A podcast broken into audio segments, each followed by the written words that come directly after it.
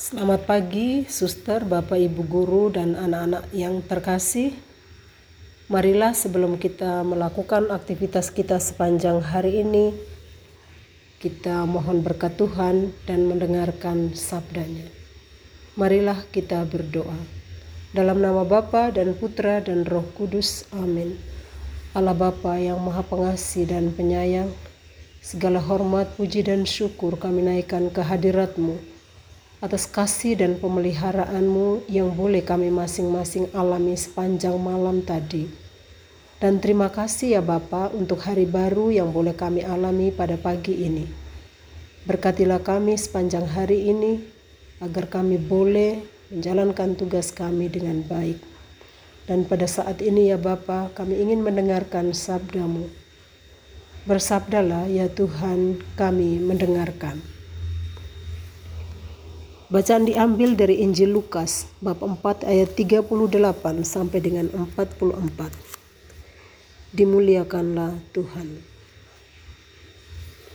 Setelah meninggalkan rumah ibadat di Kapernaum, Yesus pergi ke rumah Simon. Adapun ibu mertua Simon sakit demam keras dan mereka minta kepada Yesus supaya menolong dia.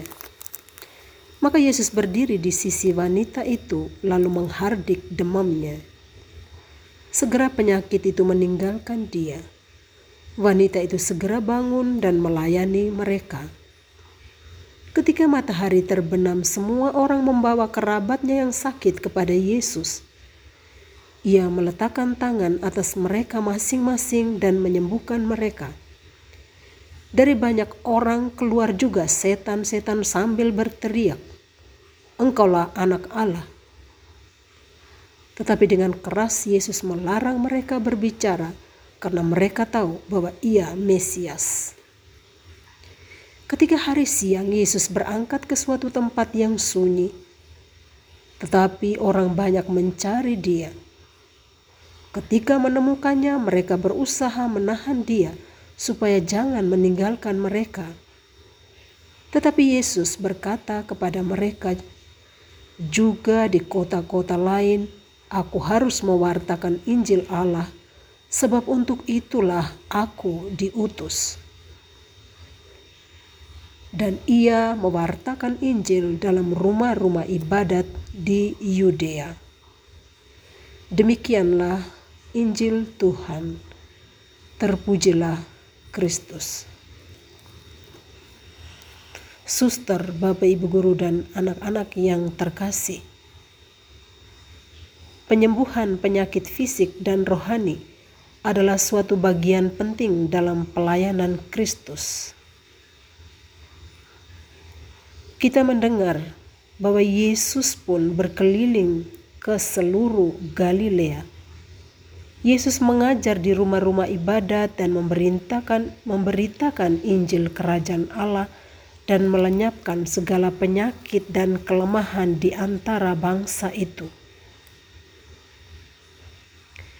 Tuhan Yesus selalu memberikan kesembuhan kepada setiap orang yang percaya kepadanya yang pada saat itu sedang sakit. Yesus setiap saat setia menyembuhkan kita dari segala sakit penyakit yang kita alami dalam hidup kita di dunia ini. Yesus tidak hanya menyembuhkan sakit fisik, tetapi juga sakit rohani yang kita alami. Mungkin dalam hidup kita sehari-hari, kita juga mengalami sakit karena kita hidup tidak sesuai dengan kehendak Tuhan. Kita sakit karena iri hati, kita sakit karena kurang sabar, kita sakit karena tidak jujur. Kita sakit karena tidak tekun berdoa. Kita sakit karena selalu berpikir negatif tentang orang lain. Kita sakit karena malas. Inilah penyakit-penyakit yang ada dalam hidup kita sebagai manusia. Marilah kita merenungkan dalam hati kita masing-masing pada hari ini apakah kita memiliki sakit penyakit yang disebutkan ini? Jika ada sakit penyakit yang kita alami karena kekurang terbatasan kita sebagai manusia, karena kelemahan kita, marilah pada hari ini kita berusaha untuk sembuh dari sakit itu dan kita datang kepada Yesus, mohon Yesus memberikan kesembuhan kepada kita. Semoga sepanjang hari ini segala sakit penyakit fisik segala sakit penyakit, sikap yang kurang berkenan pada Tuhan boleh disembuhkan oleh Tuhan Yesus sendiri. Semoga hidup kita sepanjang hari ini berkenan di hadirat Tuhan. Amin. Marilah kita berdoa.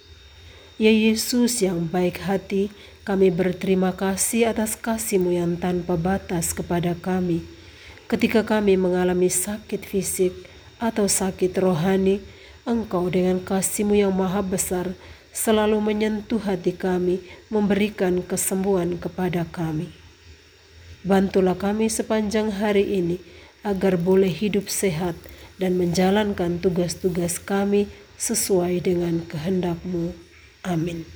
Dalam nama Bapa dan Putra dan Roh Kudus. Amin.